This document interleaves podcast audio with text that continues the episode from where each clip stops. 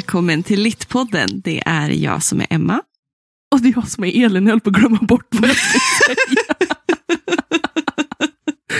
jag hade en replik. och så tredje personen måste säga hej också. Ju. Hej. hej, det är hej. jag som är Kikki, Kristina Öhman. Ja, hej. inte alls en stel början. Vi... Ska jag också var jag prata? Det, ja. det börjar ja. jävligt bra. Ja, precis. Det, Vi kanske ska klargöra det, att det här, det här är ett intervjuavsnitt. Om ni inte har förstått det utifrån titeln. Då ja.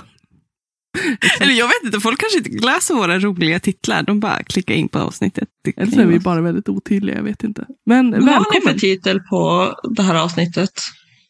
Ja, tack förresten. det, brukar, det, det är ganska roligt, vi brukar bestämma det dagen innan.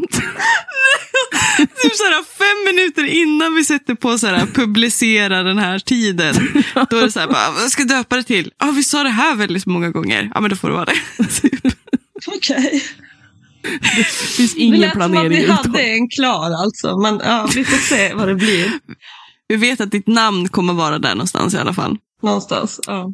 Ja, det brukar ofta så intervju, eh, alltså avsnitten, då, då så här, en intervju med, eller typ samtal med, kanske vi har sagt. Typ. Eller typ svammel med. Ja, ja. Det, är, det är en jättebra titel. Svammel. Eller mun, mundiarré med Kikki Det passar mig sjukt bra. Där har vi vår spikade titel. Perfekt. Men hej Kiki! Vad kul att du ville vara med. Vad kul att ni bjöd in mig. Ja, tycker vi med. Eller ja, det gick ju kanske fram från början. ska, ska, ska du kanske berätta vem du är lite närmare bara? Så att eh, de som inte har kanske hört talas om dig ja. får reda på det. Ja, men det kan jag väl göra. Eh, mitt namn är då Kristina Öhman, kallas mest för Kikki och heter Kikki Oman på Instagram, så det är nog det de flesta känner igen mig som. Jag eh, bor i Pite, jobbar som mekanikkonstruktör och jag är författare till eh, skräckserien Under Underserien vart det ju, det var ett oplanerat serienamn, men eh, Under svart himmel är första boken, Under mörk mm. jord är andra boken som släpps nu dagarna.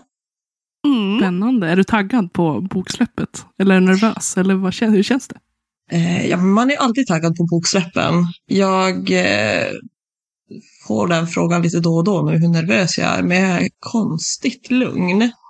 Mm. Jag är faktiskt inte nervös alls. Jag tror jag har som kommit till någon punkt där som bara, ja, det blir bra. Jag lovar så här, fem minuter innan släppet, då kommer du få blå panik. Nej. Då allting är... kommer. Det är ganska skönt med de här försläppen på, på bokmässan också, som vi har haft både för mm. första och andra boken nu, för att det blir ju som, alltså man, den är ju halv ute redan. Mm. Nu är det, nu är det mm. ingen som har hunnit läsa den efter bokmässan än, tror jag.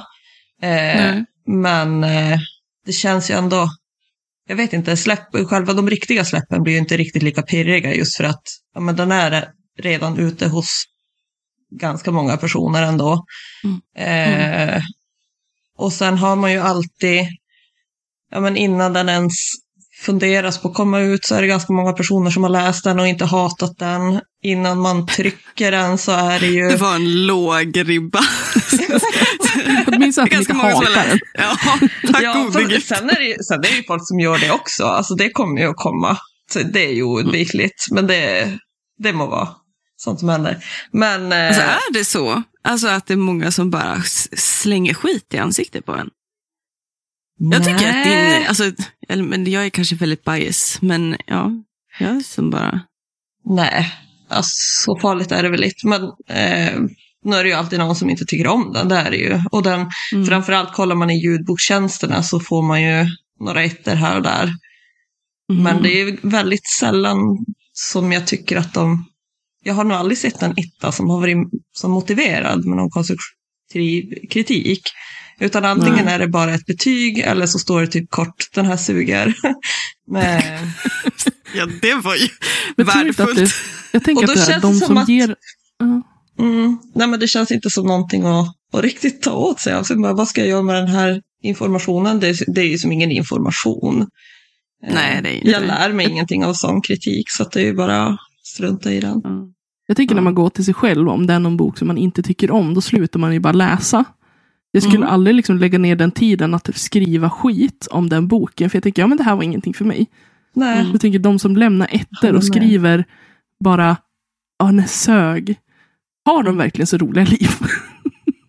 Nej, men det som fascinerar Ja, mig de bra? mest, det är ju folk som ger alltså, låga betyg som ja, men typ ettor eller tvåor, men de ger sig ändå fan på att läsa klart hela boken.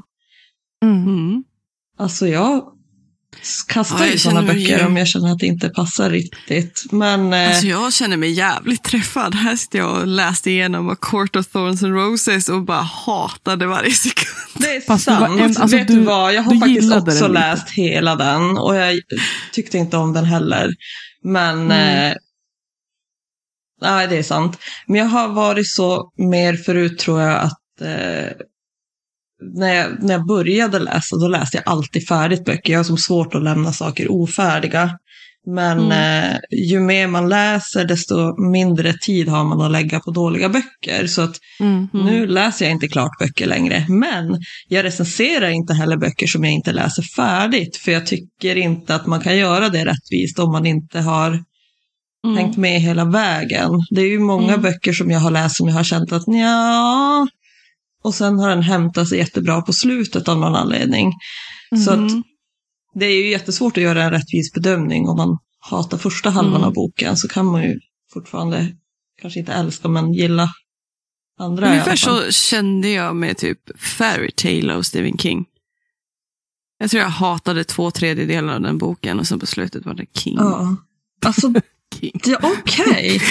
Eh, ja, ja. Mm, jag tror att jag tyckte precis tvärtom där. Jag tror att jag gillade början mer än det flippade slutet. Jaså? Ja. Åh nej. Ja, jag Ja, gillade ingenting för jag har inte läst den. Elin bara, jag är fri, jag är Jag är fri, fri. jag behöver inte lägga mig i. Så jag ogillar inte, eller jag typ ogillade mitten. Slutet var ju ändå lite, Mm. då var det lite mer spännande. Men det var en väldigt Mm. seg och flummig mitten i den boken. Mm. Ja, men jag kunde ändå så gilla början av vänskapen mellan eh, pojken och gubben. Jag kommer aldrig ihåg karaktärsnamn. Men, eh, och så gillar jag ju kanske relationen till hunden. Men där Ja. någonstans där i mitten så vart det så här bara, jaha, nu ska du hit och göra, nej, jag vet inte. Jag vet inte varför jag hamnade på det. Men typ, en sån sak kan man ju Ja. tycka, då var det ju värt det på slutet. Alltså nu när jag kommer tänker tillbaka på boken så tyckte jag den var skitbra. Liksom, Ja, någonstans. alltså den tycker jag också var, även om jag tappade mig i mitten där lite så tyckte jag ändå det var värt att läsa färdigt den. Mm. Det hade känts synd om jag inte hade gjort det. Mm. Eh, Vilken eh, bok har du känt så med, Elin? Kan du, så vi, vi, vi liksom inkluderar dig i samtalet. oj, det var en svår fråga. Jag vet inte. Jag, jag kan inte komma på att tänka på någon just nu. Bara rätt upp och ner. Av alla dina smuttböcker. Ja, men alltså. ah, är du en sån? Ja, tyvärr. Tyvärr.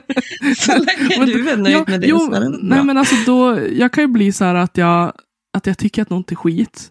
Men lite så här, ja men jag vill ju ändå veta hur det går och sen fastnar man bara där. Mm. Och sen inser man att jag har lagt ner liksom så här många timmar av mitt liv Mm. utan att liksom egentligen ha njutit av den tiden. så det det lät var, jättefel.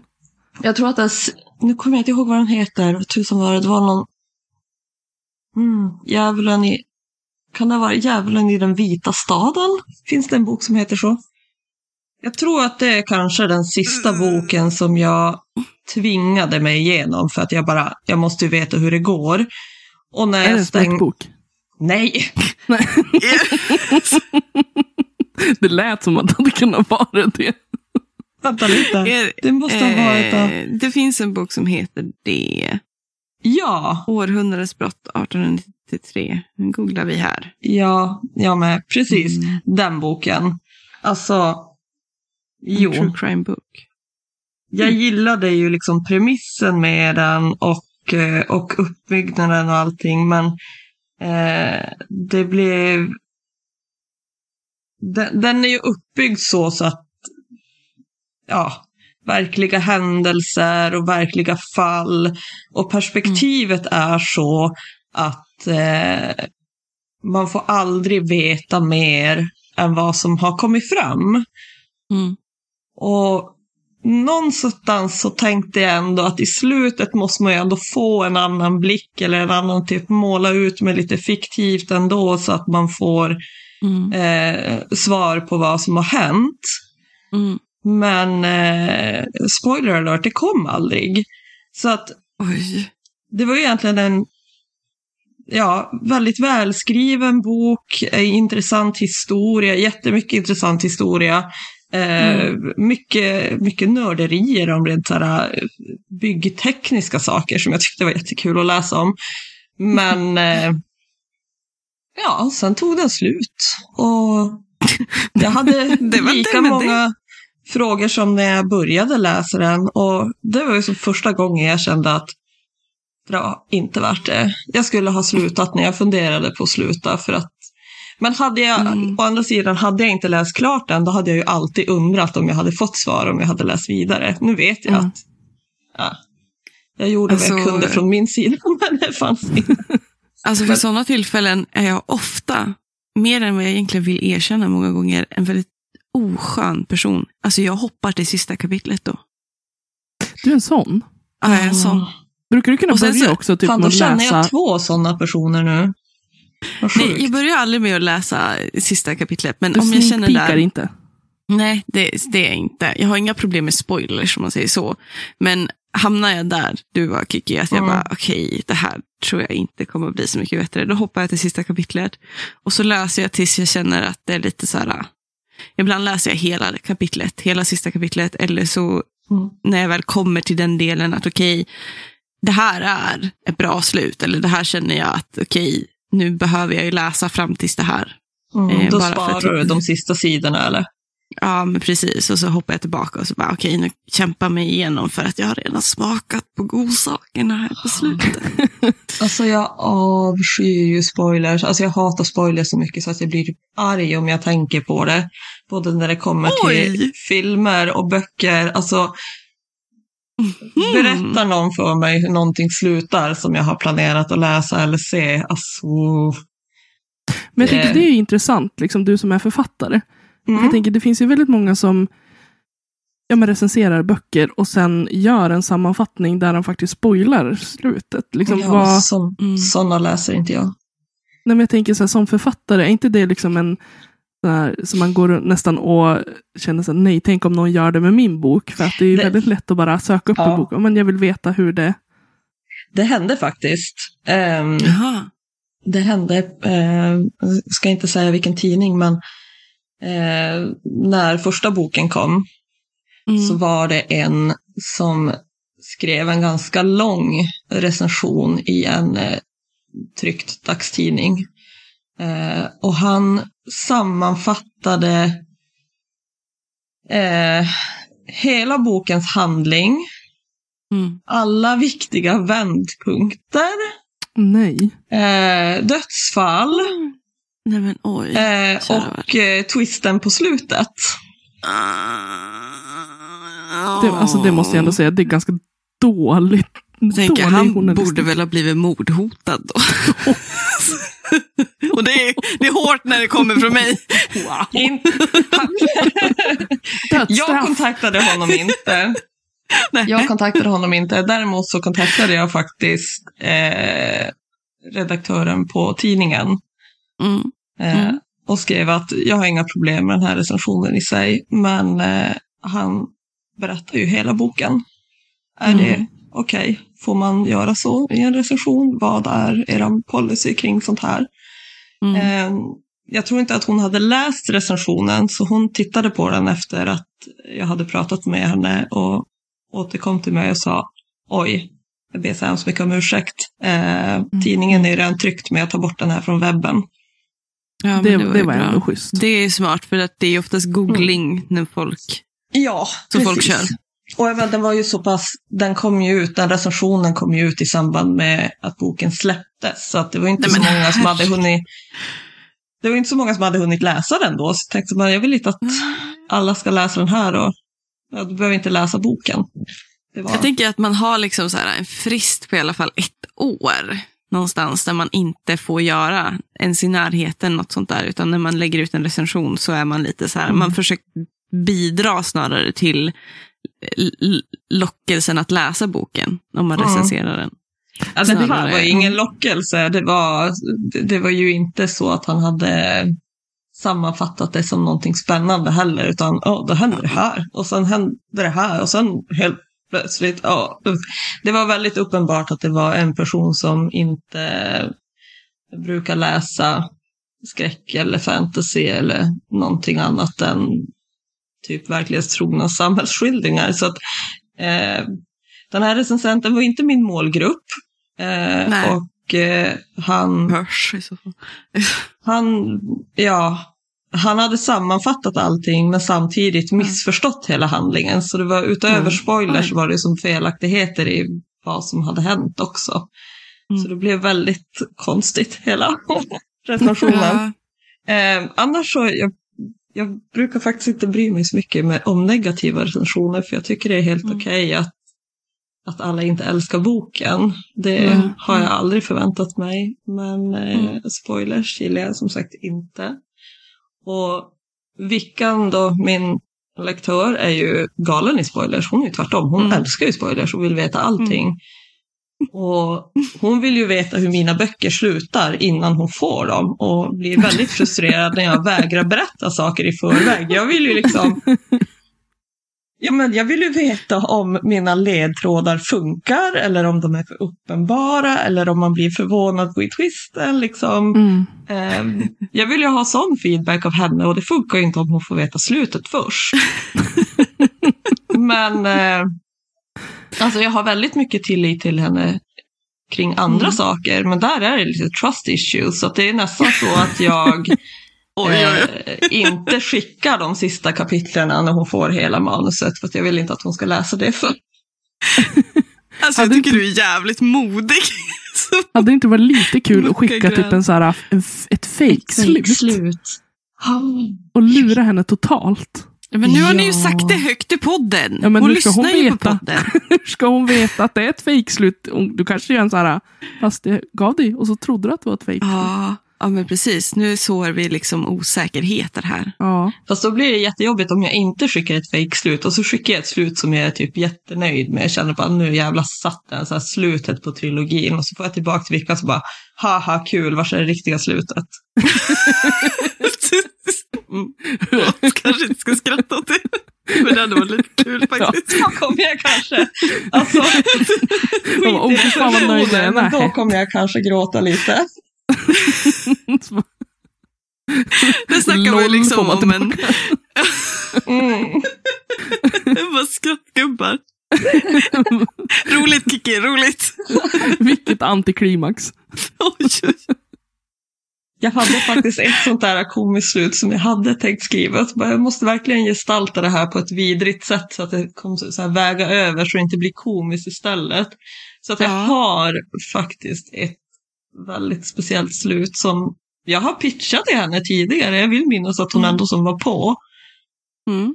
Så jag skulle kunna göra ett riktigt jäkla jokerslut där. Bara dra fram det i bakfickan. Alltså, hade varit Så kul. bra att du kommer in på det här ämnet. Alltså gud, så bra. Det är som naturligt. Och nu förstår jag det naturliga. För då vill vi fråga, eh, vill vi fråga dig, Kiki Öhman. Vad, du- vet, jag sitter ju och skriver och tragglar på med mitt eh, skräckmanus. Jag har Mm. ju så svårt att få ut allting. Ehm, och vad tycker du är det svåraste med att skriva skräck? Jag fastnar ju, fastnar ju ofta vid att jag typ står där och är lite för teoretisk så att jag skapar skrivblockader för mig själv. Eh, Och då är det till exempel den här grejen, jag tycker att humor och terror, Mm. humor och fasa ska typ väga ganska lika. Man ska ha den här fasan, man ska bli rädd, man ska bli chockerad, det ska vara groteskt, det ska vara absurt. Mm. Och sen så ska det vara nästan så att man kommer att man vill skratta åt hur absurt och äckligt och groteskt någonting är. Mm. Men det är fortfarande äckligt och groteskt. Mer än vad det är kul. Liksom. Det måste ju vara det, annars blir det ju skräckkomedi. Ja, Lite grann. För å andra sidan så skräckkomedier är ju ofta, om vi ser till eh, filmer istället för böcker. mm. Alltså de absolut vidrigaste skräckfilmer jag har sett när vi pratar om groteska saker så är det ju ofta skräckkomedier som blir riktigt sådär Mm. råa. Det är väl de som vågar bli sådär råa utan att det blir för mycket. Mm. Men, Ja, men jag eh, tänker typ så här, Nightmare on Elm Street är ju en perfekt sån. Med Freddy Krueger. jag älskar ska- Han har förstört många nätter för mig när jag var ung. Fy fan. Vågar inte somna. Bara. Nej, men alltså precis. där, där är det ju en perfekt balans mellan groteskt och alltså Och slatter och Ja. ja. humor. Helt klart. Ja, alltså. Det är klart. Jag brukar säga annars att eh, det svåraste tycker jag är just den här eh, förväntan som andra har på boken. För att många som läser skräck vill ju bli skrämda.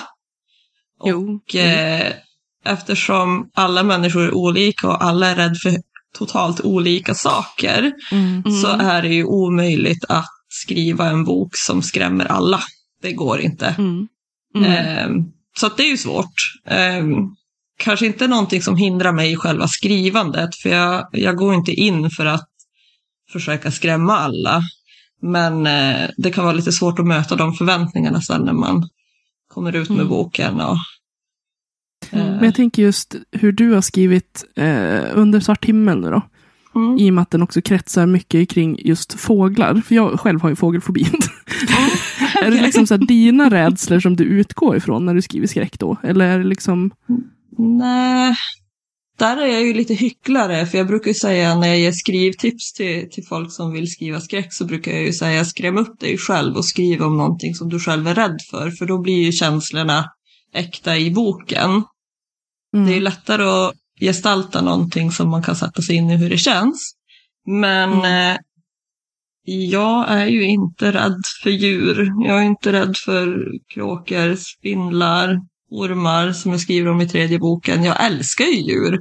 Så att mina böcker, på något sätt, på något konstigt sätt, så blir det ju som en kärleksförklaring till de här Mm. djuren som Mm. jag å andra sidan försöker göra äckliga. Mm. Eh, Jag tycker det har varit jättekul att skriva under mörk jord till exempel. Gud vad jag har lärt mig mycket om, ja men i första boken om kråkor som jag inte visste och Mm. suttit och googlat sjukt mycket om spindlar och deras anatomi och det, hur de ser ut på insidan och hur de beter Ja. sig och hur de parar sig och hur de lever. Och, eh, jag tycker att det där är jättekul. Eh, min förläggare och lektör som har spindelfobi har inte tyckt att det har varit lika kul, men de har stått ut med mig ändå. Tack och lov. Eh, och ormar har jag ju själv haft som husdjur, flera stycken sedan jag var Ja. liten. Så det är ju också bara kul att skriva om. Men däremot så... Så det du gör egentligen är bara skriver om hur sjuk du är. Nej! Fan för dina ormar! Åh, söta. Nej. Men jag försöker ju skrämma upp mig själv på andra saker. Alltså jag brukar ju liksom ligga i sängen och fantisera om att någon kommer och kryper upp eller alltså sådana grejer. Och även om jag inte själv är rädd för just djuren jag skriver om så finns det ju element i, i alla böcker med scener som jag har fantiserat ihop och skrämt mig själv med och sen skrivit ner. Mm. Mm. Så lite så ändå. Men sen, tala om din fråga då om eh, vad som är svårt. Eh, ibland tycker jag det är svårt att hitta den här balansen, hur långt man får gå innan folk blir provocerade och lägger ifrån sig boken för att det är för äckligt. Eh, Mm. Och jag Mm. har varit, ja men jag tassar lite kring det just för att jag skriver ju om barn också. I första Mm, boken mm. så är ju Lars barn i första delen innan han blir vuxen. Mm. vad kan man, hur mycket kan man utsätta barn för? Mm. Jag har ju en scen där som, som var lite gränsfall, som, som vi diskuterade om jag skulle ha kvar eller inte. Men, men Mhm. ängeln sa ta bort och djävulen sa kör. Och ja, Mm. jag lyssnar ju på den andra. Vad skulle Stephen King ha gjort, typ? Det är ju typ där man får vara. Ja, men så kan man ju tänka. Stephen King hade dödat alla barn. Ja, det- om man tänker på slutet av It, så uh, var det ju värre Ja, än det, faktiskt. men då klarar jag mig, då är det lugnt än så länge. Ja, jag, tänk, jag Eh. tänker det också. I andra boken så var det väl en ännu mer sån där liten tveksam scen och då, där var ju frågan för mig eh, hur mycket är det okej att jag gestaltar av det här? Alltså hur mycket detaljer ska jag Mm. beskriva? Eh, Mm. Så att hitta gränsen där, det ska ju vara obehagligt, det ska ju göra lite ont men, men man får inte Mm. kliva för långt. Liksom. Då kommer folk lägga bort boken. Och, Mm. Jag tänkte på det också väldigt mycket när jag, när jag skrev, eh, var med och skrev de här stafettnovellerna för en annan podd som även du har skrivit för, eh, Mannen med den gula rocken. Visst har Har du jag- skrivit för dem? Har Elin skrivit den? Eller frågar du mig? Jag frågar dig. Ja, jag, du blir, du, du, men du menar jag Kikki. Okej. Och så pekar jag på dataskärmen. Du ska bara veta vem Emma pekar på. Det var inte så lätt. Eh, nej men eh, jag blev tillfrågad att vara med i den. Just ja. Så var det. det var. Men, eh, och det hade ju varit jättekul. Men jag kände att jag hade inte tid just då. Jag tror jag hade typ tre projekt samtidigt som jag bollade då. För det var, nå det var någon bok och så var det några noveller. Och så. Jag, tror, Mm. jag tror det var när jag hade både eh, råmanuset till Spindeln och så hade jag Pripyats döttrar och så hade jag Stormens tid typ samtidigt. Och så fick jag frågan och så, och så frågade jag som bara, ja men när, inom vilken tidsperiod vill ni ha det här i så fall? Och jag tror att det handlar om typ ett par veckor eller så. Jag bara, nej, Mm. det hade varit jätteroligt men eh, tyvärr, jag Mm. kan inte. Det passade Nej. inte då. Mm. Nej, men jag, jag tackade ju istället ja eh, och skrev en del av en novell där. Och då behandlade jag det ju, alltså det var typ det svåraste för att det är svårt att skriva noveller och särskilt skriva stafettnoveller för man måste ju ha någonting i det. Mm. Och jag skrev om just eh, graviditet. Skrev jag om. Eh, och det är ju också en sån här vattendelare. Det är ju Mm. väldigt, det är ju halva befolkningen som kan relatera till det om man säger så. Om Mm. ens det Mm. eh, om skräck för att bli gravid eller att det går snett när man är gravid och sådana saker. Mm. Eh, och där var jag verkligen så här, jag tror jag skickade runt den till alltså, tre av mina klasskamrater. Och bara så här, hur, hur vidrig får jag vara när det kommer till det här? Liksom? Mm. Och det var verkligen en vattendelare bland Mm. dem. Där Ja. de var så här liksom att, en var verkligen så här, it's a big no. Alltså Mm. du, du som själv aldrig har varit gravid kan inte skriva om det här. Eller, och de andra två var väldigt så här, fast Mm. Det här är ju, är ju någonting som går att konceptualisera. Liksom. Precis. Och jag tänker att det, det är väl där man måste hela tiden stå. Hur mycket är min moral värd någonstans? Ja, det där är jättesvårt. Alltså, förlåt, men det knackar på min dörr här. Jag vill bara... Kan... ja Jag men må- jag vi är måste tysta pausa. så. Pausa. Ja, jag kommer tillbaka. Gör det. Saker händer i eh, inspelningar. Gör ju det. Men vi har vårt kaffe vi. Jag vet inte. Jag kan vara vaken vi- hela natten. Nej det kan jag inte jag ska jobba imorgon.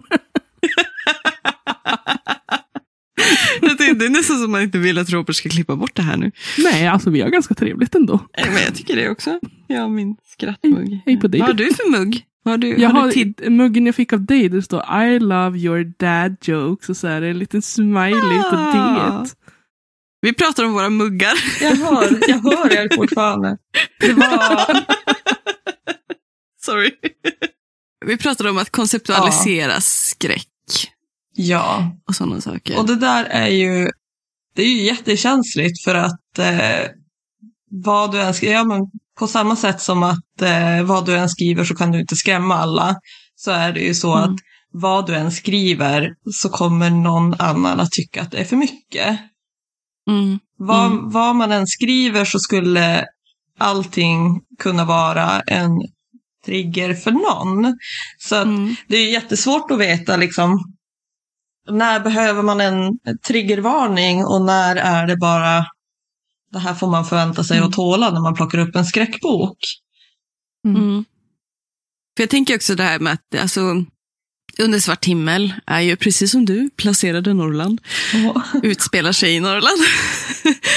Em, och många, det där har man ju kunnat prata om. Jag, inte, jag och Elin har pratat väldigt mycket om Mikael Nemis böcker. Till exempel Fallvatten har vi ju väldigt, eh, väldigt starka känslor kring. Vi tycker det är en Mm. otroligt bra bok. Men det är ju jättefruktansvärda saker som händer och där har vi ibland diskuterat hur, vad sätter det här för bild Mm. på Norrland när Norrland redan är, har en ganska speciell eh, bild av sig. Hur, kän, Vad hur det? kändes det? ja, inte vet jag. jag. Jag kan inte säga så mycket. Jag, jag älskar Norrland. Förutom kylan. Tycker Ja, det, men- vi pratade om, det vi pratade om innan, inte precis innan du klev in, men innan, liksom när vi bestämde att vi skulle göra den här intervjun, Mm. var, kom in på att prata om just litteratur och förlägga den i en norrländsk miljö. Mm. Eh, för det känns som att de flesta författare ändå vill, även om man inte är från typ Stockholm eller Göteborg eller Malmö, att man lägger storyn Mm. där för att man vill man vill träffa en målgrupp. Liksom. Mm. Man tänker ja, det är bara där läsarna finns, fast att. Norrland ändå är halva Sverige. Mm. Så hur, Ja. hur naturligt kom det för dig att liksom lägga storyn i Norrland? Ja, men eh, för mig så vill jag ju bara skriva om miljöer som jag känner till och älskar. Eh, Mm. det, det var ingenting jag funderade jättemycket över, utan det kändes ju bara som ett självklart val att jag vill Ska jag nu skriva en urban skräck som ska utspela sig i våran verkliga värld så finns det ju Mm. ingen annan plats jag vill skriva om än eh, Mm. där jag själv bor.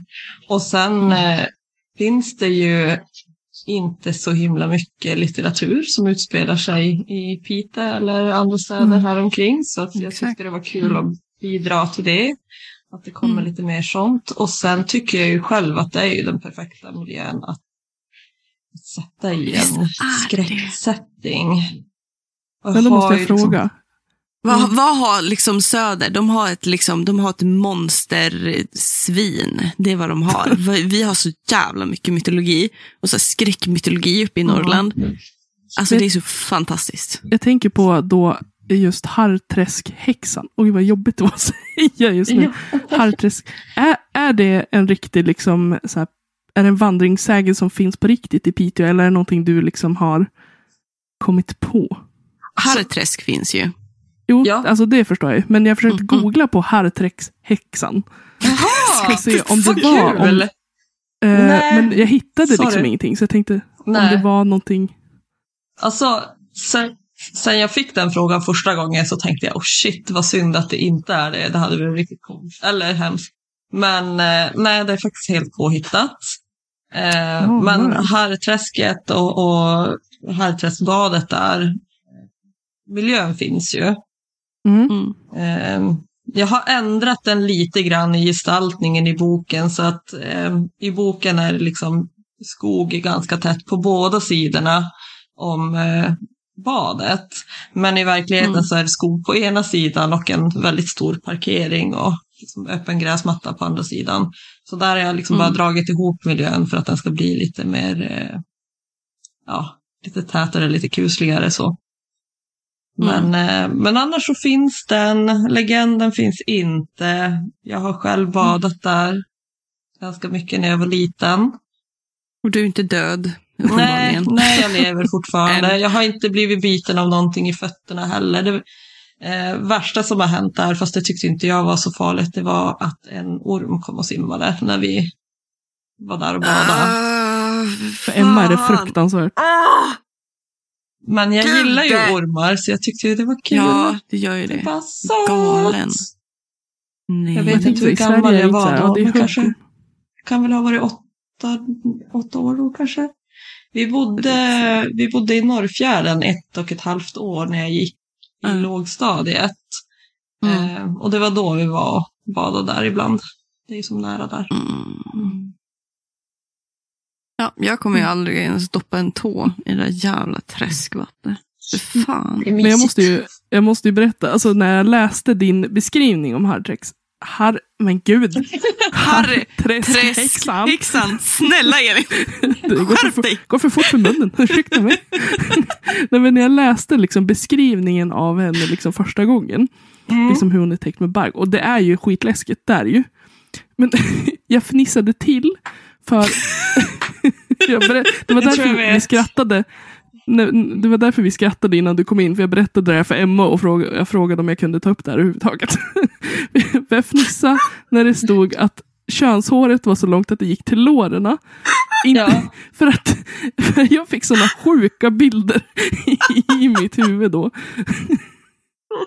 Jag såg framför mig hur det liksom fladdrades i vinden. Nej, men det fladdrar ju inte i vinden. Hon är ju en sjöhäxa så det hänger ju typ så här blött och stripigt och droppar efter benen. Alltså det, det ska ju vara... Jag fattar vad du menar. Eh, men det är ju det Det är är bara liksom min sjuka äckligt. hjärna. Liksom. Och det är ju, det där är ju också en sån här grej som, när jag skrev det här, liksom, Mm. ska jag beskriva hennes könshår? Eh, men jag resonerar lite så här, nu ska jag gestalta hur hon ser ut. Hur Mm. skulle det vara, om hon verkligen var så här, hur skulle det vara logiskt att hon ser ut? Alltså hon har bark, Mm. hon har skit. eh, det här med barken och ryggen, det är ju faktiskt lite inspirerat av alltså, skogsrå, fast jag har stoppat ner hon i sjön. Mm. Och ja, men jag såg bara framför mig att det bara rent naturligt skulle växa långt överallt. Jag Mm. tänkte att det hade nog känts onaturligt om hon hade haft en fin liten buske liksom. Mm. Eh, Ja. Eller ännu värre, ingenting. Nej men alltså, så att, Alltså jag måste ändå säga att det, alltså just din gestaltning av Harrträskhäxan är bra. det jag tror jag älskar Mm. mest med, med hela Under svart himmel. och, Jag gillar också eh, den här osynliga berättarrösten. Det vet du redan, för det skrev jag för ett år sedan. men, men, men just henne också för att ja, men, allt med henne är vilt. Mm. mm, Och det tycker jag är en så otrolig, hon är en så otroligt snygg representation av det som man oftast kanske säger om Norrlands mörka vilda skogar, Ah. Norrlands vilda natur. mm, För mig så är hon ett sånt naturväsen, ett sånt naturfenomen. mm, Och, i liksom, och du har lyckats koka ihop det med även alltså, en ganska så här, vad ska man säga, meta historieberättelse också över hur, alltså hur, vad som har hänt i Norrland mycket. mm, Vad som, hur vi, många gånger vi som kommer från inlandet och upp över tänker kring vår egen bygd och vår egen miljö och ekologi. Att, att marken bär minnen och sår av Och jag liksom, får lite gåshud. Så här, beskriver det så som jag har tänkt att jag vill ha det. Yes. pluspoäng. Är jag förlåten för att jag är så seg med vår läsklubb? ja, men det jag Men, också. men jag tycker verkligen om, men sen är jag ju sån där, ja men du vet ju, jag skrev ju hela min masteruppsats om alltså, monströs femininitet eller grotesk femininitet. Jag tycker det är så intressant. Jag vill fortfarande Ehm. läsa den. Ja, du får leta upp den själv, jag tänker inte skicka den. Då ska jag göra det. Jag kan visa upp den, jag kan säga att jag har gjort det, men jag tänker inte låta alla, allt andra arbete för alla andra att göra. För jag har för mycket Du bara, här är den, jag är jättestolt över den. Men läs den inte. Helst inte. Nej. Mm, men, och det, jag tror, för mig i alla fall, är det oftast de skräckböckerna som berör mig mest någonstans. Mm. För att någonstans så tror jag att det är, delvis för att jag är väldigt intresserad av femininitet, liksom rent Mm. generellt, hur vi gestaltar det i litteratur och hur saker sällan är svarta och vita Mm. egentligen. Särskilt i de som berättar berättelsens eh, tankar och huvuden. Ehm, Ja, men precis. Någonstans så kunde jag på slutet känna en sorts me- medlidande och en empati som var så stark. för häxan. Men ändå, det vill jag ju liksom. verkligen ge henne också. För att Mm. jag, jag tycker ju själv om när... Alltså ingen människa är ju svart eller vit. Eh, alla Nej. goda människor har onda sidor, alla onda människor har goda sidor och Mm. känslor precis som alla andra. Och det där ville jag ju liksom... Jag ville ju gestalta det hos häxan också, att hon... Dels så är hon ett väsen som har fötts av mänsklig ondska. Så redan där är hon ju någon sorts eh, förorättad hämndfigur kan man ju säga. Mm. Och sen Mm. att hon själv också eh, utsätts för saker som Mm. ensamhet, eh, förlust, depression, Mm. eh, s- Mm. eh, sorg och ilska. Liksom. Så att allting, jag vill ju att allting som hon gör, hur hemskt den är, så ska det finnas ett motiv Mm. bakom det. Det ska finnas en förståelse för varför hon som eh, lever på det sättet hon gör kan göra sådana här saker. Mm. Tänker med, tank- med tanke på hur hennes liv och tillvaro är och hur, vad hon är för någonting så, Mm. så var det Mm. viktigt att det skulle vara logiskt allt. Även om Mm. Hon är helt fiktiv så ville jag att hon skulle vara logisk. Det blir som en, en speciell, liksom, ett speciellt sätt att på sätt och vis, vad ska man säga, göra henne verklig på. Alltså det pratar jag och min psykolog mycket om när det kommer till relationer. Att man alltid är i en sorts dragkamp eller en dynamik med människor. Det, det du gör speglas hos någon annan, vare sig du vill eller inte.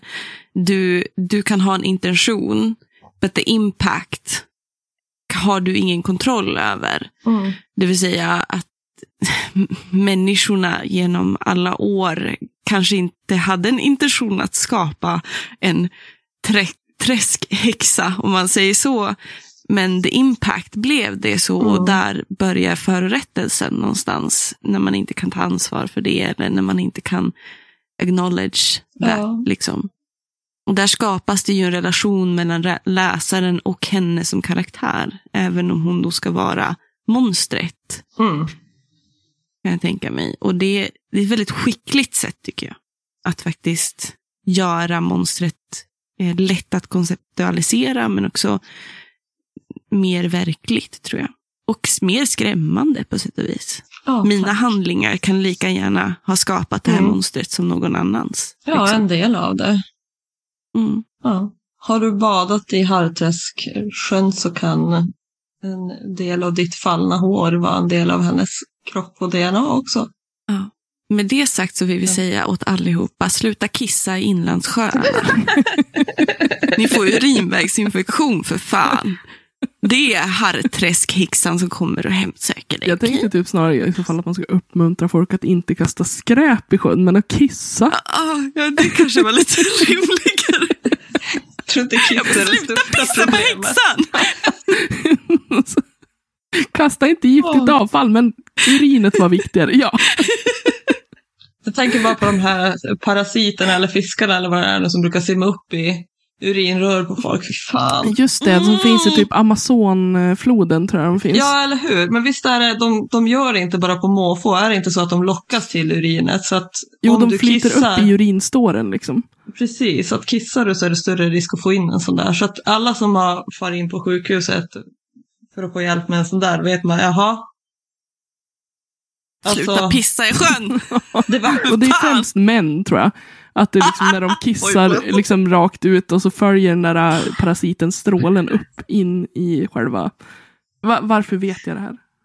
Jag vet inte hur du vet det här. Jag Det här vet är inte vi båda det här. Jag tror vi måste ha sett samma dokumentär. Ja, jag tror också det. Eh, Den har bara etsat sig fast. Det Ja, kanske det också har skadeglädje. Alltså det, är- det är säkert 10-15 år sedan jag såg det här Ja. första gången. Men alltså det, det skulle man kunna skriva en skräck om också. Ja, men Aj, tänk så här, aj, aj. parasit som så här växer sig större inifrån Ja, det och finns bara bryter ju ut sådana. genom. Alien. Pungen. Ja. Jag, jag såg Alien 1 framför mig med magen. Pungen. Exploderande kulor. I love it. Jag har precis läst klart den här Manhunt så att jag är jättepåverkad. Vad ska, ja, vad ska en sån bok heta då? Det kan ju inte heta liksom så här parasiten, den känns för obvious. Balls of fire. Mansparasiter. Balls of fire. Nu var det där med avvägningen mellan humor och skräck också. Ja, det här blir en, Fan, jag hade läst den. det här blir en hade- skräckkomedi. En Ja, feministisk det. skräckkomedi som heter Balls of fire. Men please, please do it. Alltså hallå, kan Lovisa Wistrand spendera 300 sidor med att bara slakta män? Då kan du skriva en sån. Med Ja. Balls on fire. Ja. Det känns som att väldigt många män skulle vrida sig i smärta om, de skulle, om det skulle liksom börja där i, in, the, in the groin så att säga. De säger så här, ah, nej.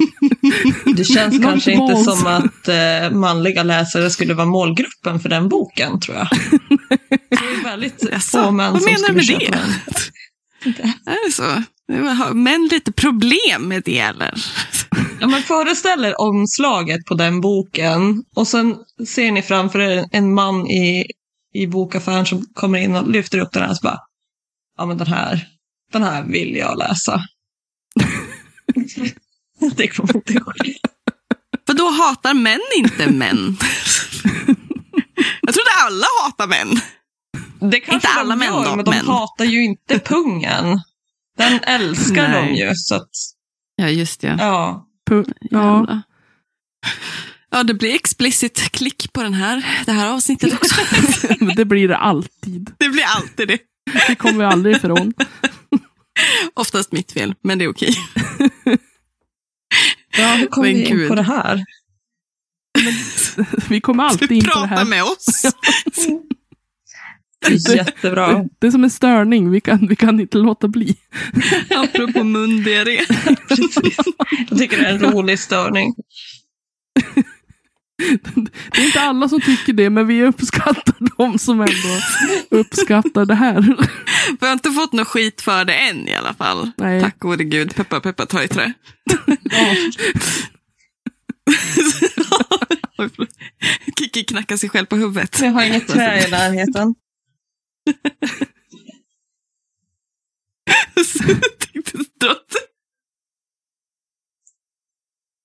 Nu dog Emma tror jag. Nu är hon trasig. Vi har haft sönder henne. Jag tänkte, det vill bara ropa på karln i huset tänkte jag säga. Komma med lite wood. Älskling! Ja, Inte nu. instant regret. Alltså jag är alldeles knallröd i ansiktet. Aj. Det kul. återhämtar dig. Ta Ja, ett djupt andetag. det är skönt att... Hur många sekunder Jag tror du det hade tagit när han fattade skämtet om man kom in i rummet och frågade vad vill du? Så jag behöver lite trä till podden. Lovad. Får jag vara din bäver?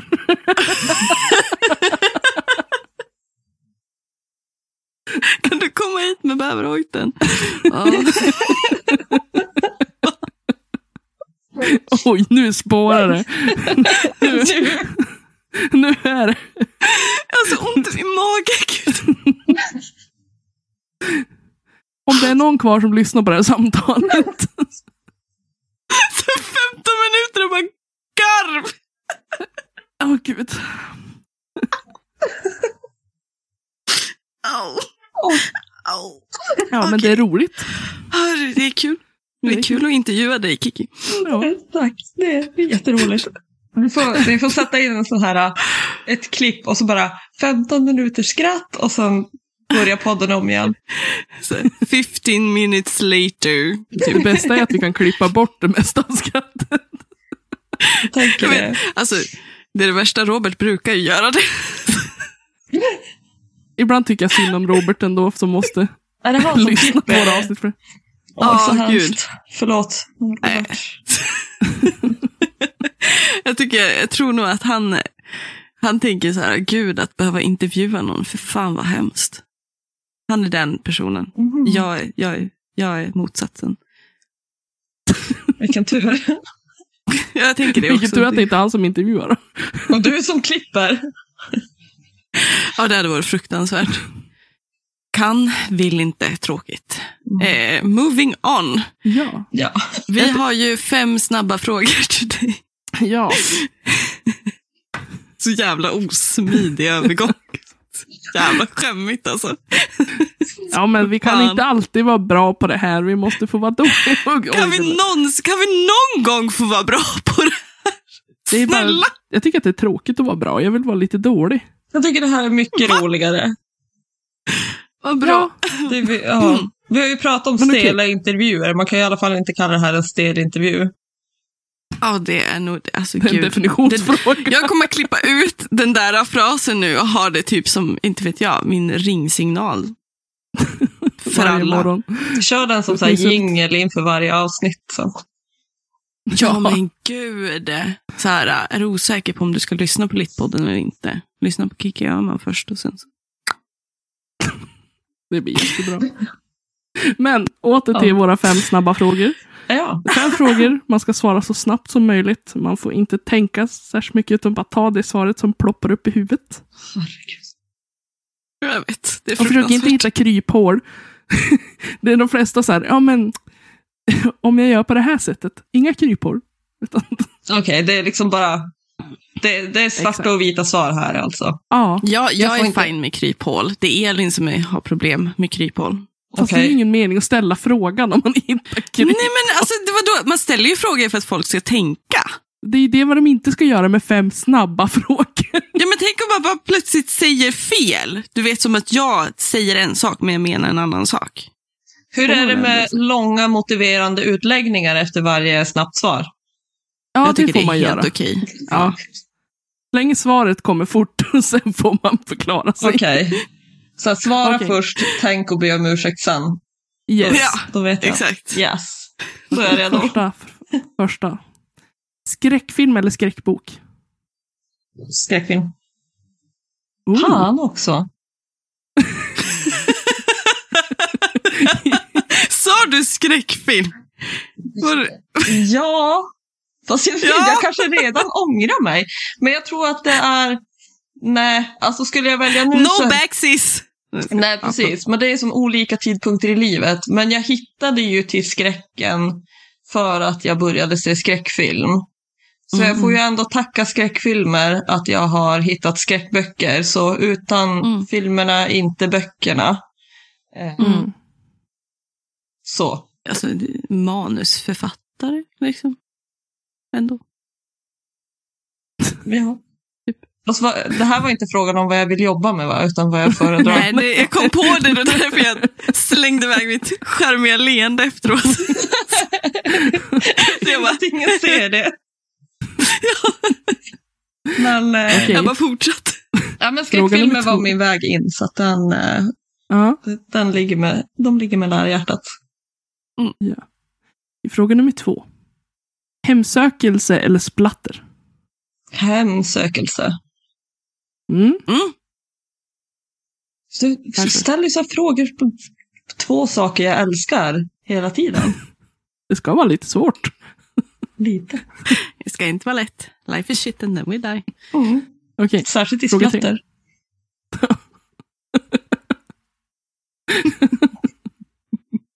Okej, fråga nummer tre. Böcker på svenska eller böcker på engelska? Svenska. Hmm. Det beror ju på vem författaren är. Eh, böcker på originalspråk skulle jag vilja svara, egentligen. Mm. Eh, jag vägrar ju läsa en översatt King. Det, det tappar ju ut, en av de bästa saker jag vet med honom är hans språk. Och läser jag en översatt King-bok så tappar jag ju halva magin. Så att, Mm. eh, nej, men sen måste jag ju säga böcker på svenska för att jag själv skriver böcker på svenska. Och jag tycker att ofta är det svenska språket ganska underskattat. Det är många som tycker att man kan gestalta och skriva vackrare och måla bättre med engelska. Ehm, och det tycker jag man kan göra också, men jag tycker att om man läser en bok av en svensk författare som behärskar språket bra så är det väl minst lika vackert, om inte ännu vackrare än engelska. Mm. Med det sagt så vill vi säga läs Sara Lidman så kommer du älska det svenska språket. Bra tillägg. Mm, thank you. Okej, nu kommer en svår fråga här. Eh, vad var de andra då? ja, de var ändå så här lite lättare. Nu kommer den svåra. Okej. Aldrig mer läsa eller aldrig mer skriva?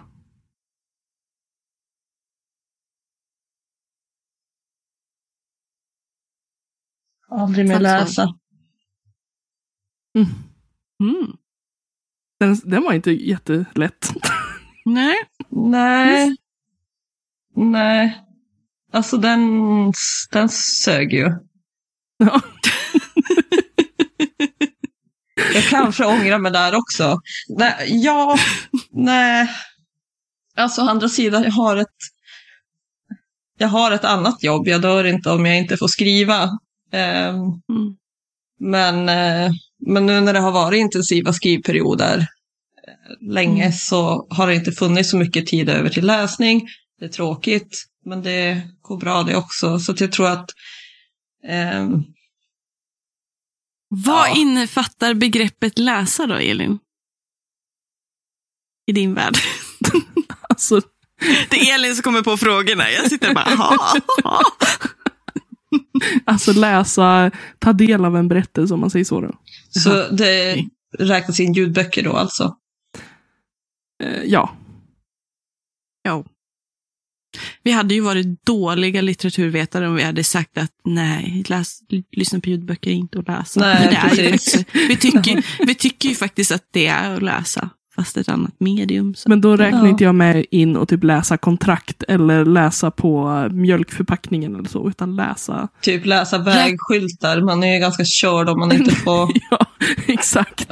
Det är svårt att leva då. I så fall jag. hade jag slutat skriva utan tvekan. Om jag inte kunde läsa någonting annars. Det hade blivit väldigt... då behöver du, veta skriva. behöver du veta när det blir en påfart eller Ja. när det är stopplikt. Är läsande även att läsa typ figurer på vägskyltar eller gäller det bara text? För jag tänker, då kan du ju läsa comics utan... Så att det finns ju så här non-words, non-word... Fast en vägskylt är Fiction. inte en del av en berättelse. Nej, precis, nej. Nej.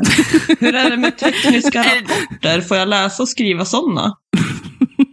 De är ju Nej. jättespännande. Jag tänkte, det är inte heller en berättelse, det är en rapport. Okej. Men om den berättar om något... Så det spelar roll om man döper den till rapport. Så Är det- är Dagerman det en- får är hon det en läsa. rapport Eller Hammarskjöld. Är det en berättelse som är förklädd till en rapport? Så spel...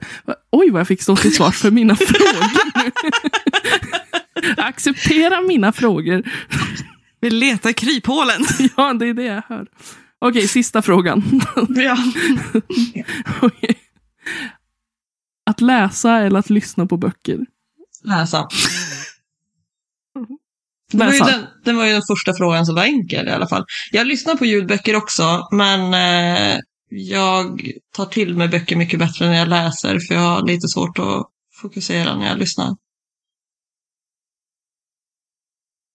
Det var, det var de frågorna jag hade. Förlåt så mycket. Förlåt så mycket för det obekväma. Du, du förlåt Jo, jag Jag- kände det. Jag är fortfarande lite traumatiserad och kluven för att jag var tvungen att välja någonting av allt det där. Ehm, Jag lovar Vi kan ju bara återkomma, återkoppla till det du sa från början. Det är ju vare sig svart eller vitt.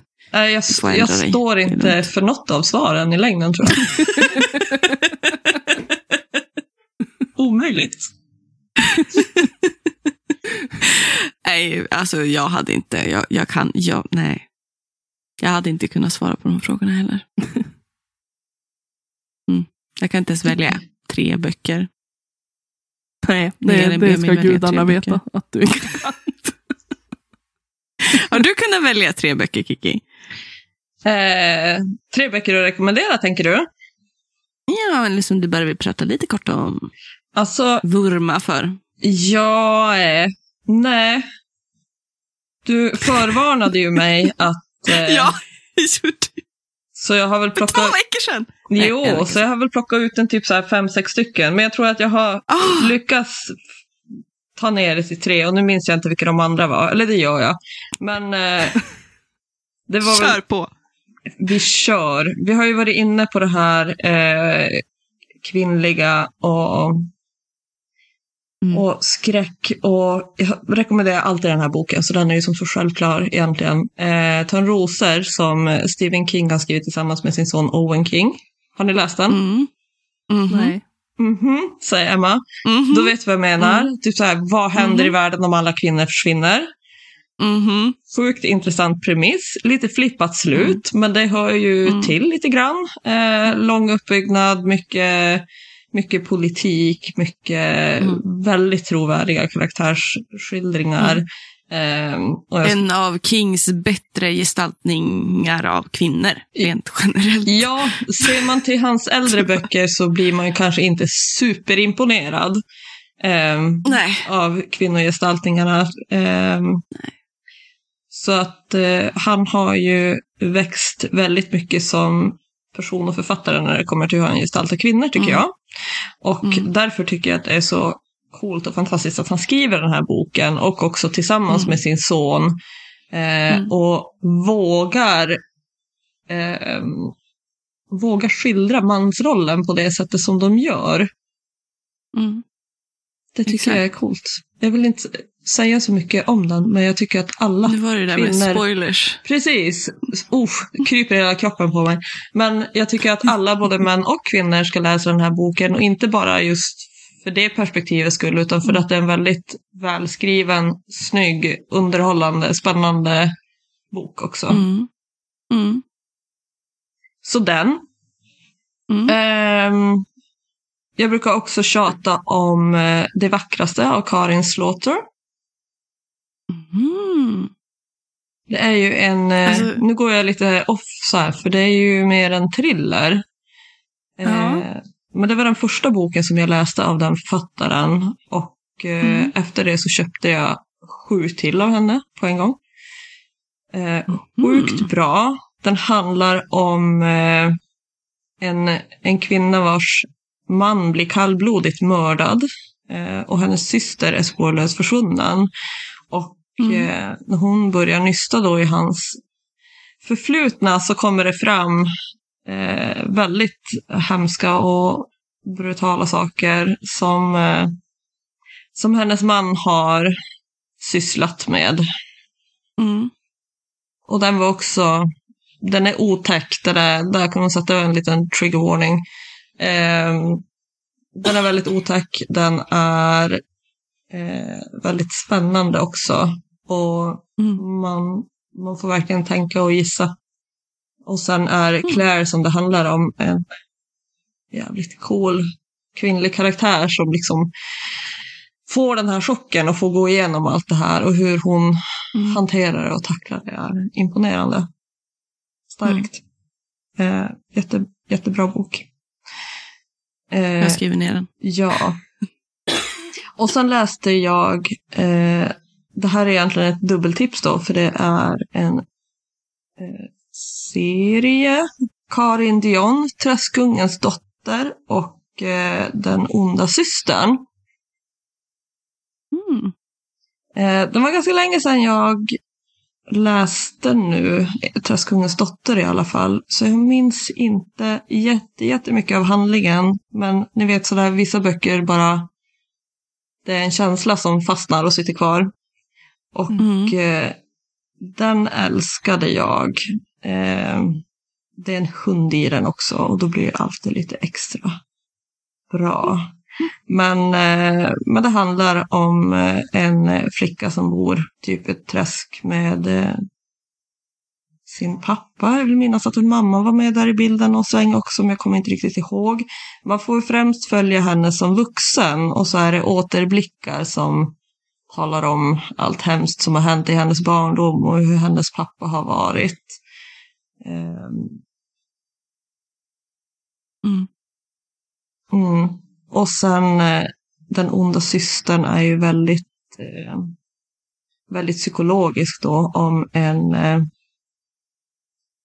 en eh, syster som får diagnosen psykopat. Mhm. Och hur hon fungerar och hur hennes föräldrar tacklar det och hur hon ser på människor, hur hon behandlar djur, hur hon behandlar sin lilla syster. Eh, Det är ju en ja, thriller åt skräckhållet skulle jag vilja säga. Eh, men den är liksom både intressant, den är väldigt trovärdigt gestaltad. Eh, Mm. Samtidigt som jag inte är någon expert på ämnet. Men eh, det känns väldigt trovärdigt. Det är fängslande och det är väldigt skrämmande och obehagligt. Mm. Jag känner igen det där, men det kan också göra med, jag fick en bok i födelsedagspresent av min lilla syster som heter Min syster seriemördaren. Min Mhm. syster mördaren. Av, ehm, vad- jag tror hon är, är eh, en eh, kenyansk författarinna. Alltså den är inte så stor i, i Europa, men den är visst jätte, jättestor i Kenya. Och det handlar lite om samma sak, fast det är då eh, två syskonpar, två tjejer som, där den ena eh, tjejen, då, mördaren, då, hon mördar sina pojkvänner hela tiden och så måste hennes syrra hela tiden städa upp efter henne. henne. Kändes som en hint av min lilla syster. Va? Vad Vad menar hon med, med? det? Är hon mördaren eller är det du? Ja, alltså Robert lever ju fortfarande. Så det, Ja, men vad, vem, du kanske har någon på sidan av, vad vet vi? Men det kanske är Robert som är liksom, eh, representerar systern i det här fallet. Så det är han som hjälper dig städa. yeah, Hmm. No comments. Elin, borde vi skicka väldigt mycket hem män. någon till henne? Så här, kolla igenom lite. Ska vi ringa någon? Tystnad. Ring en vän. alltså. Ring en vän. Jag Ring någon annan. Jag tänkte mer en polis, men, eh, men en vän är kanske också bra. Jag vet inte. Man snitches, vad heter det? Snitches get stitches. Vad säger man? ja. Jag Ja, tänker inte exakt. snitcha till polisen. Jag tänker bara påpeka att en av Roberts närmaste vänner är faktiskt utbildad polis. Så att eh, jag har kontakter överallt. Bara så att om det är någon polis som lyssnar så är! Poliser är aldrig brottslingar själva. Nej, just det. Kapten Klänning är ju ett bra bevis på det. Åh gud, Elin. Nej. Det var den första Jag tänkte det, men valde att inte säga det. Men nu gjorde du det. Bra. Ja, jag. får vara den personen. Får det. Vi Varsågod. ber hemskt mycket om ursäkt om det där var väldigt okänsligt av oss. Men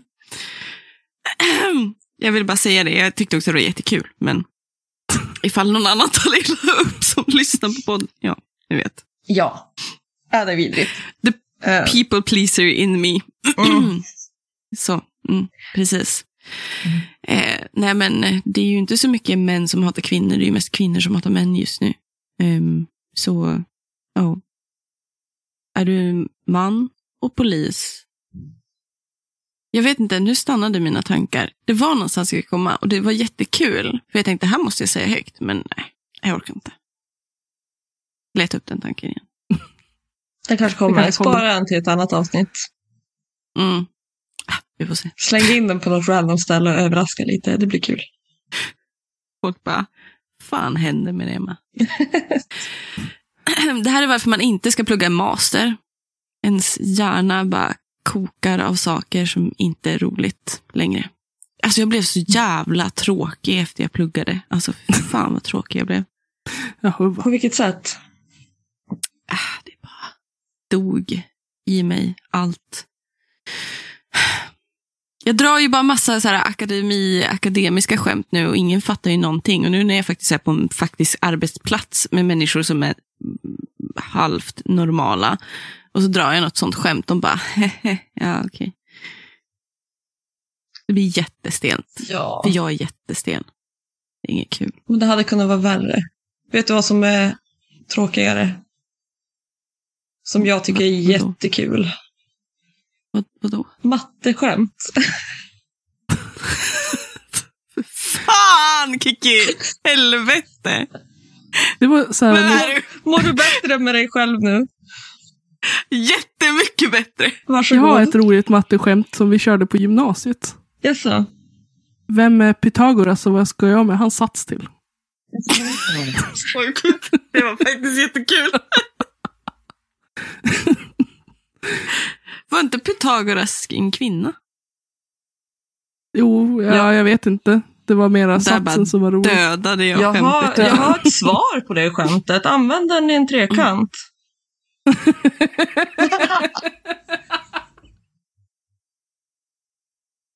Åh gud. This is hell! Det där var perfekt. Det perfekta,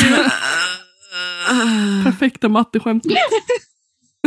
Alltså vilket team vi är. Ah, magiskt. Fan. Åh gud. Det där kommer jag leva länge på. Vi kan, eh, vi Ja. kan lämna matten där kanske. Ja. Ja, tack. Tack. Eh, Gud, jag tror att vi har gått över tiden lite. Ja. Men eh, det Några har minuter, varit ett väldigt roligt samtal och var väldigt roligt att få ha dig med. Det var väldigt kul. Jättekul. Alltså jag skrattar så jag gråter nu. Ja. Det är bra. Det är bra. Egentligen tror jag du skrattar och gråter för att du bara, haha, om jag skrattar desto fortare går den här smärtan över. Kan jag få gå? Kan- Nej. Nej men det har varit jätteroligt. Och Jätte, jättekul. Det har det. Och vi, vi ses ju snart, du och jag. Ja, det gör vi. Det gör vi. Jätte, jättesnart. Den, eh, f- f- Femtonde? Ja, Visst? lät osäkert. För, för 15. det är Det det. är nästa söndag alltså. Eh, just det, jo det är en söndag ja. Jajamän, jag ska inte komma på lördag. Oh, Jag älskar att jag bara helt osäker. Du bara, lördag? Nej. lördag. Nej, Nej. tack och lov är det Nej. inte på lördag. Då hade jag inte varit i, i bra form och försöka Nej, säga det- någonting vettigt. Eh, Fast det hade ju nog säkert blivit skitkul, tror jag. vi kanske ska ta det, vi bokar om det. Vi tar det som ett Zoom-samtal på lördag kväll istället. Ja. Det blir ju svårt att höra dock om du är på konserterna Mm. samtidigt. Ja. Fast när börjar? Det, med det sagt så Mm. är det så att Kiki kommer ju och gästar mitt jobb och ska ha författarsamtal med oss samtidigt som hon visar upp sin fina, fina, fina Spindelbebis. spindelbebis. Jag väntar fortfarande. Jag, jag, jag, jag stod och så taggade på jobbet inför att du skulle komma. Och så var jag inne på din Etsy-shop där. Och satt och bara, nu ska jag beställa hem någonting, jag ska ha merch på mig. Och kommer som världens stönt. Men eh, en av mina kollegor övertalade mig att jag kan ju vara lite diskret med min merch. Så jag beställde en mugg Ah. som jag kommer att stå med där. Ska jag stå där Varför ska du vara diskret? Det är väl inte ja, lite? jag vet inte. Det handlar väl om professionalitet. Ja, så. Det var den där lilla biten. Den där liksom man ska ju se ut som att man faktiskt jobbar där, när man jobbar där. Herregud. Vad skulle ni säga om jag kommer i en typ jobbar. såhär hel eh, såhär typ spindelpyjamas då? Gör det. Jag ska se om Jag är helt seriös. jag, ska se om jag Hade jag varit ledig, hade jag varit ledig, då hade jag dykt upp med min, i min eh, halloween-pyjamas med så mycket merch Mm. på mig. Jag kom på det när jag satt där och scrollade, by the way. Roligt samtal. Hallå, Mm. mössor. Kan du snälla trycka upp mössor? Eh, ja, kanske. Vad vill du ha? En mössa med en spindel på eller? Ja. Så här, du vet sån här äh, riktig, som man viker upp, inte någon sån här äh, kondommössa. Nej, jag gillar inte de där kondommössorna heller. Jag har typ tio stycken hemma. Fattar du hur coolt? Och så är det typ en vit sån, eller en svart sån och en vit spindel fram på. Där, Ja. när man viker upp dem. Men då måste jag göra en ormmössa också. Jag tycker vi kan lämna ormarna utanför hela allt. Tycker jag inte. Säg ja, Ja, så har ja, jag en- fucking en ormar krok. tatuerad på mig. En kråkmössa, en spindelmössa och en ormmössa. Ja, I love it. Nej, bra. så Kiki kommer och har författarsamtal här i Umeå på mitt jobb. Mm. Och du ska också på Nordfest dagen innan som är en rockshow. Så det var det vi pratade om, att det var därför hon inte kunde komma på lördagen. Så ni får, ni får liksom ett kontext till varför vi skämtar som vi skämtar. Ibland glömmer man bort lite att folk inte vet det man själv vet. Och man glömmer bort att förklara. Mhm. Ibland glömmer man att man sitter i ett poddsamtal. Det är folk som faktiskt ska lyssna på det här. gud, är det Eh. det? Hoppsan. Ja. Det, är, det är den där som man kan få ibland. Vi, jag och Elin har ju typ slutat gå in och kolla statistik nu. För vi bara, gud, det är så här många som har hört oss dra de här skämten och säga de här sakerna. Och så får man bara så här, ah, existentiell kris. Ah. Ja. Ja. Mycket, mycket så här att man skäms för den man är. Och samtidigt inte, för man tänker så här, fan vilken skön människa jag är ändå. Så jag, för min del är det lugnt, för att jag lyssnar ju aldrig på någonting som jag själv har varit med i. Så jag kommer inte höra det här, så jag kommer inte komma ihåg om jag har sagt någonting konstigt. Nej, Jag vet skönt. inte. Jag är inte så här, jag torterar inte mig själv. Jag vet att eh, Stina, alltså Kristina Dowling, hon sitter ju alltid och ser intervjuer med sig själv och, och lyssnar på poddar. Och det är ju skitsmart att göra. För hon är ju världens bästa människa på att framträda och prata inför folk. Och man lär sig ju mycket om man står ut med att lyssna och titta på sig själv.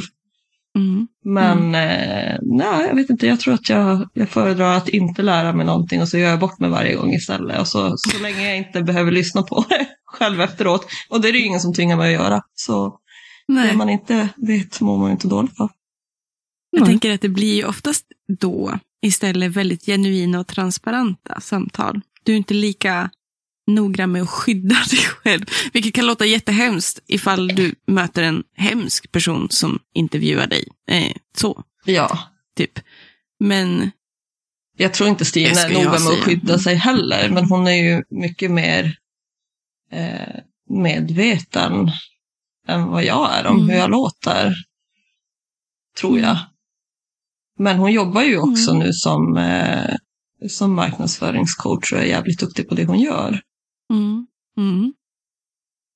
Hon ska faktiskt hon ska få coacha mig så att eh, jag eh, kommer inte bli jätteförvånad om jag faktiskt snart kommer bli tvingad att lyssna på vad jag svamlar om. Ändå. Det kanske, Du, kan ju, du kan ju börja mjukt med vårt avsnitt då. Är det är att börja mjukt. Ja, Bland alla, bland alla pungskämt och sådana saker. precis. men det kan egentligen bara bli jag, bättre härifrån. jag lyssnar bara på det här avsnittet så tänker jag så bara att ah, ja, det var inte så farligt, då är det lugnt. Och, jag vet, hör. Jobbigt om du tycker det är fruktansvärt och bara, aldrig mer, aldrig mer. Fan. Men jag tänker Nej. att det är dags att börja runda av. Eh, Ja. Som vi försökte för fem Kom. minuter sedan. Men ja, exakt. Brukar vara så. Men återigen, tack för att du har varit med i det här avsnittet. Ja, men tack själva. Det var skitkul. Så var skitkul. säger vi hej då för den här gången. Ja, det gör vi. Ja. Tack Ha för så idag. bra. Vi hörs. Tack. Leverpastej. Ha det bra. Hörs. Hej. Hej. Hej.